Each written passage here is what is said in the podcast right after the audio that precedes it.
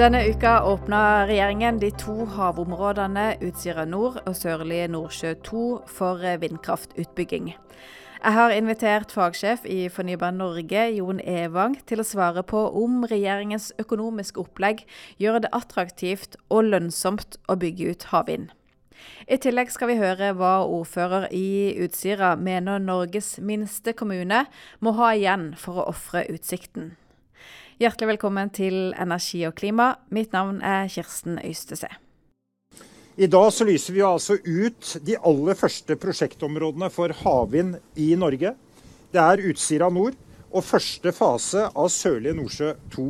Fra dekk på den elektriske og lydløse båten MS Brisen lyste olje- og energiminister Terje Lien Aasland ut de første havvindområdene i Norge denne uka. En av de som uh, lytta spent på det regjeringen presenterte, var ordfører i Utsira, Marte Eide Klovning. Hun hadde sett fram med forventning til denne dagen. Det betyr jo muligheter uh, for samfunnet, som vi ikke har hatt på flere tiår. Uh, jeg har vært ordfører på Utsira i elleve år snart. og vi har aldri hatt en så stor pågang fra privat næringsliv som det vi har hatt nå. Plutselig så har vi blitt attraktive. Eh, og det gjør jo igjen at vi ser eh, nye muligheter for utvikling og for flere arbeidsplasser og innbyggere. Mm. Nå har du vært og hørt på regjeringens fremleggelse, og så er du på vei tilbake igjen, eh, venter på båten nå til Utsira. Hva tror du du blir møtt med av, fra befolkningen? Jeg så jo varaordføreren min hadde blitt intervjua av NRK i går. Filma. Der så jeg de heiste både flagg, og det kom noen tårer. Jeg tror det betyr mye. Det betyr, vi har jobba over lang tid for å bli hørt. Så det at uh, de nevnte Utsira øya og samfunnet konkret, og lovte at vi skulle bli tilgodesett, uh, det betydde veldig mye for oss. Uh, så jeg tror at det er mange som puster litt letta ut, for vi har vært livredde for at alt skal gå forbi oss. men samtidig så må vi jo fortsette å jobbe med å stille krav og, og, hva som er forventningene våre.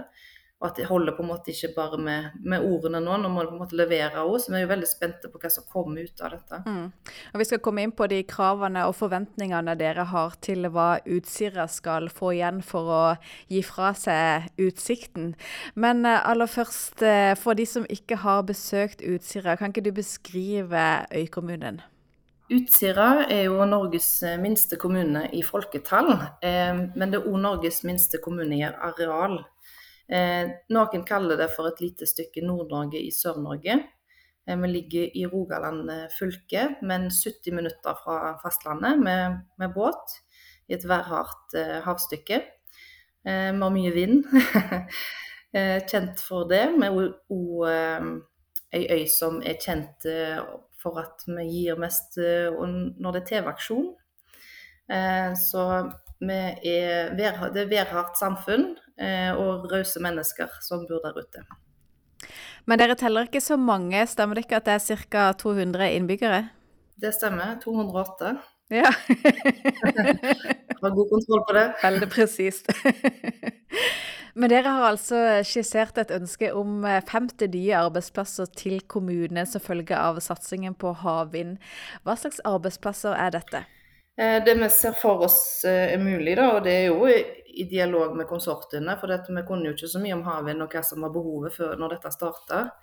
Men vi ser jo at det kan være gunstig å legge en drift- og vedlikeholdsbase på Utsira. Det kan være gunstig i forhold til beredskap, at en har fastland å komme til. Eh, dronebase, eller testing av droner, har òg eh, både til under sjøen og, og i lufta, eh, har òg vært snakk om. Eh, vi har òg spilt inn Nå blir ikke det arbeidsplasser, da, men dette her med en substasjon for å redusere antall kabler som skal gå i sjøen. At en knytter det sammen på utsida før en sender det til, til land på Karmøy. Og så dette her, eh, eller ikke minst, eh, følgeforskning. Altså hvordan påvirker dette altså både før og under og etter? Hvordan påvirker det natur og miljø? Hvordan påvirker det befolkningen? Eh, ja, klima, altså Hva fotavtrykk setter dette eh, i forhold til videre utbygging og gjøre seg opp erfaringer. Da tenker vi at det er gunstig at det ligger på Utsira og nært feltet. Mm. Og så sa du at uh, dere har hatt uh, mye besøk i det siste fra utbyggere, eller potensielle utbyggere. Hva er det de lokker med?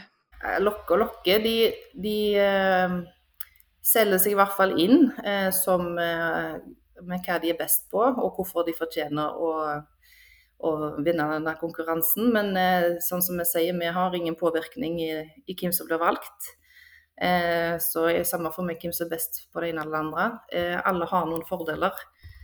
Eh, men det vi, det vi, ser etter, er de som eh, ser mulighetene med å eh, ta nytte av Utsira-samfunnet. Ser potensielle og eh, Altså dette her med at vi, vi ligger så nært, eh, nært feltet at det kan være gunstig for både utbyggerne og Utsira-samfunnet. Eh, så vi, vi, lytter og hører om det, hva de kommer med som kan være potensielle framtidige arbeidsplasser. og ja, det, hvor stor vekt de legger på det, er vi jo veldig interessert i. Så det foregår en intern eh, konkurranse i administrasjonen, der de gjetter på hvem de tror vil vinne. ok, Kan du avsløre litt fra hvem som ligger best an der? Nei, jeg vet ikke det, for jeg er ikke i administrasjonen. og den, den eh, har ikke, jeg, har ikke blitt tatt eh, med på den konkurransen der. Men jeg, jeg ser vel mer for meg hvem jeg tror eh, ikke får det. Men eh, det er jo min personlige mening. Så, men det ønsker jeg ikke å dele, da. Men uten å dele hvem du mener, hva, hva går det ut på? Altså, hvem, hva er det de mangler da for å kunne vinne fram, tenker du? Jeg tenker dette her med lokale ringvirkninger og hvordan de definerer det. Eh, og eh, måten de har latt seg høre på i forhold til kriteriene om hvordan de bør være. Det er jo noen som mener at det ikke burde være lokale ringvirkninger i det hele tatt.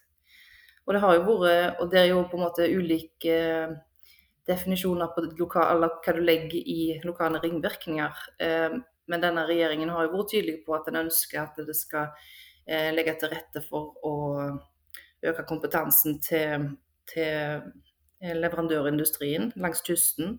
At en skal bruke, eh, eller gi mulighet for små og mellomstore bedrifter til å kunne være med i utbyggingen. Og så vi mener jo da at uh, dette her med at berørte kommuner må få en kompensasjon. Det må være verdt å ofre utsikten sin for. Men òg for det, det er viktig i forhold til Norge sin, sine mål om å nå 30 gigawatt innen 2040. At uh, en kan vise til at Utsira nord uh, og Sørlig Nordsjø sånn sett, at det ble en, noen gode utbygginger, gode erfaringer, som er attraktive å føre videre langs kysten. Mm. Utsira har altså 208 innbyggere i dag. Er dette en satsing som du tror vil bidra til eh, tilflytting og vekst i kommunen?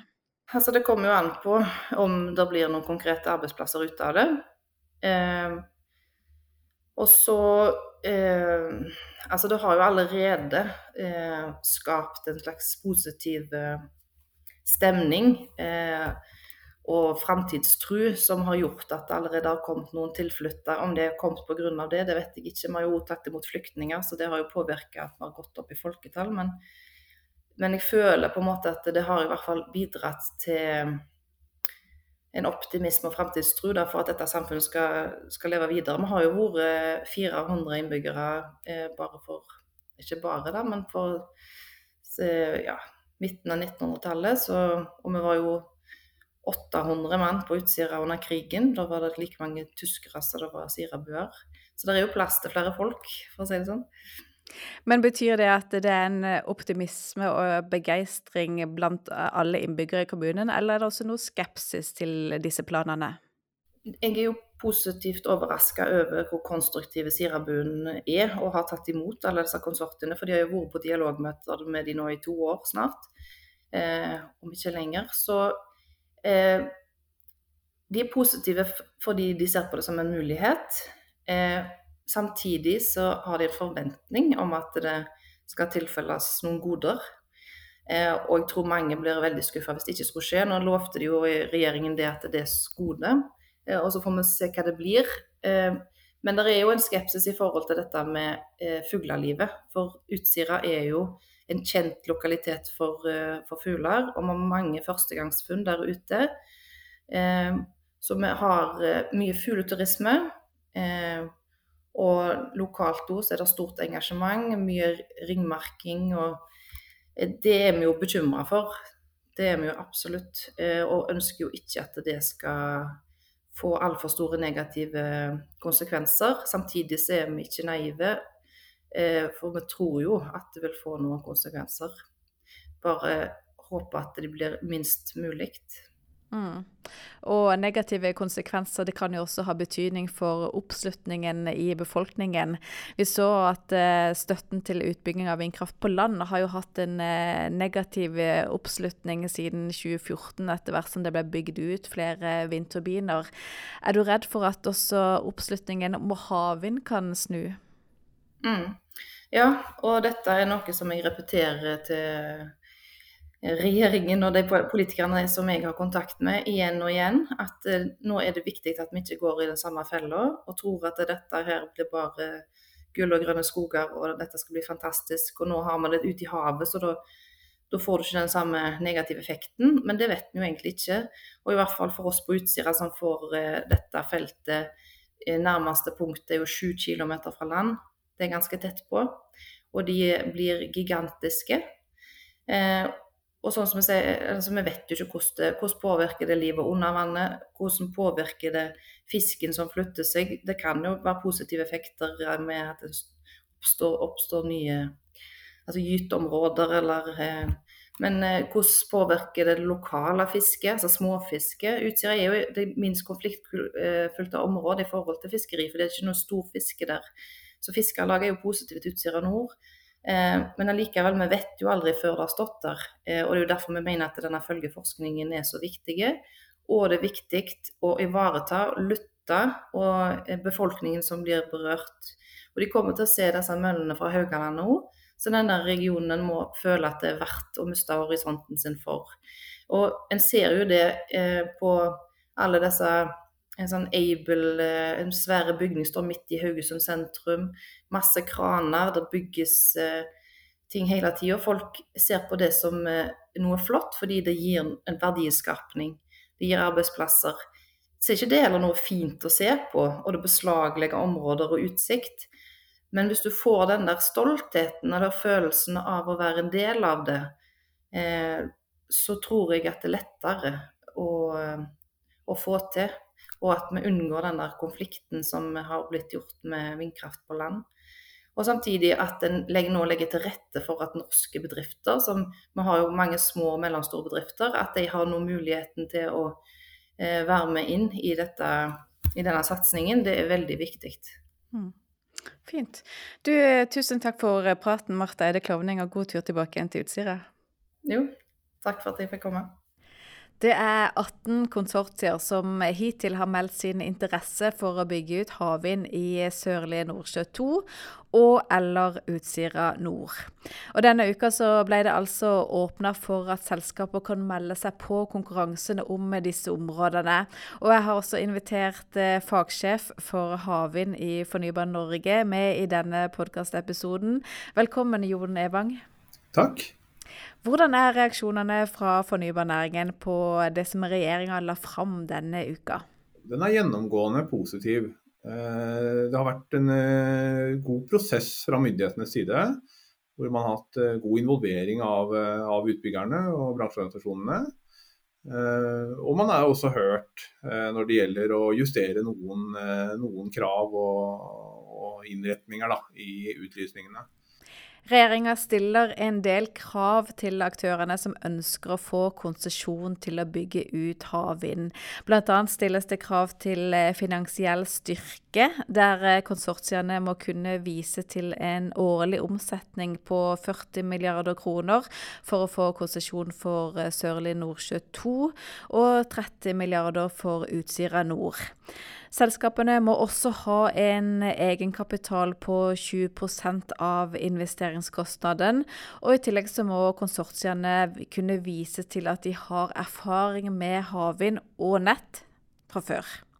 Er dette krav som ekskluderer noen av konsortiene? Altså det er, eh, hvis jeg ikke har telt helt feil, så er det ti konsortier som eh, konkurrerer om å bygge på Sørlige Nordsjø 2. og 14 som konkurrerer om å bygge på Utsira nord. Uh, og når det gjelder kravene, for å ta det finansielle først, så uh, så vidt jeg har brakt på det rene, så tror jeg ikke det kommer til å ekskludere noen. Jeg må ha et lite forbehold der. Uh, og Det er strenge krav, og det visste vi ville komme, fordi gjennomføringsevne var tungt vektlagt i myndighetenes forslag til høring også. Og det blir vektlagt tungt, på både, særlig på Sørlige Nordsjø 2 da er det jo det 60 eh, På Utsira nord så er det vektingen der delt på gjennomføringsevne og, og kostnadsnivå, forventet kostnadsnivå på, i 2030. Eh, så det, er, eh, så det er strenge krav, men, men, selvfølgelig viktig for å sikre at prosjektene faktisk blir gjennomført. Så det, det, var å forvente, og som sagt så tror jeg at de aller fleste, om ikke alle, vil, vil være i stand til å møte de kravene. Når det gjelder eh, erfaringskravene, så er jo de også eh, noe justert fra høringen. Eh, det er fortsatt et, et slags absolutt krav om at man må ha tre, erfaring med drift av 300 megawatts havvindanlegg. Og så er det et, i tillegg et krav at man da enten har krav med et til, tilhørende nettanlegg med ulike spenningsnivå, enten eh, på, på likestrøm eller vekselstrøm, eller erfaring med tilsvarende komplekse energianlegg, eh, onshore eller offshore.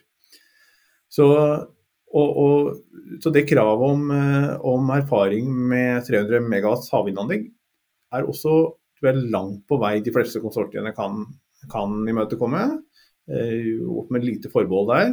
Men uh, når det gjelder uh, det øvre, andre kravet, at du enten har erfaring med, med nettanlegg eller, eller, tilsvarende komplekse energianlegg, det tror jeg alle kan møte. Er det riktig å stille denne type krav?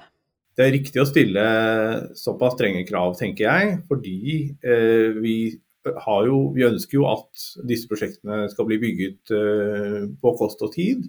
Slik at vi eh, legger grunnlaget for og tillit til en, en større norsk satsing på havvind. Så, så, det tenker jeg det er riktig å gjøre. Og det er jo lignende betingelser havvindselskapene konkurrerer på i, i andre land. Så, så dette, er, dette, er, innenfor det man måtte kunne forvente. Mm. Så vet vi at eh, flytende havvind kommer til å bli dyrere enn bunnfast, og foreløpig så vet vi ikke hvor mye regjeringen vil eh, bidra med finansielt for eh, utbyggingen av flytende på Utsira nord, men det er sagt noe om nivået for støtte til bunnfast havvind på Sørlige Nordsjø 2, og her åpner regjeringen for å bruke inntil 15 milliarder kroner i subsidier. Og så er det satt et tak på auksjonsprisen på på 66 øre per kilowattime.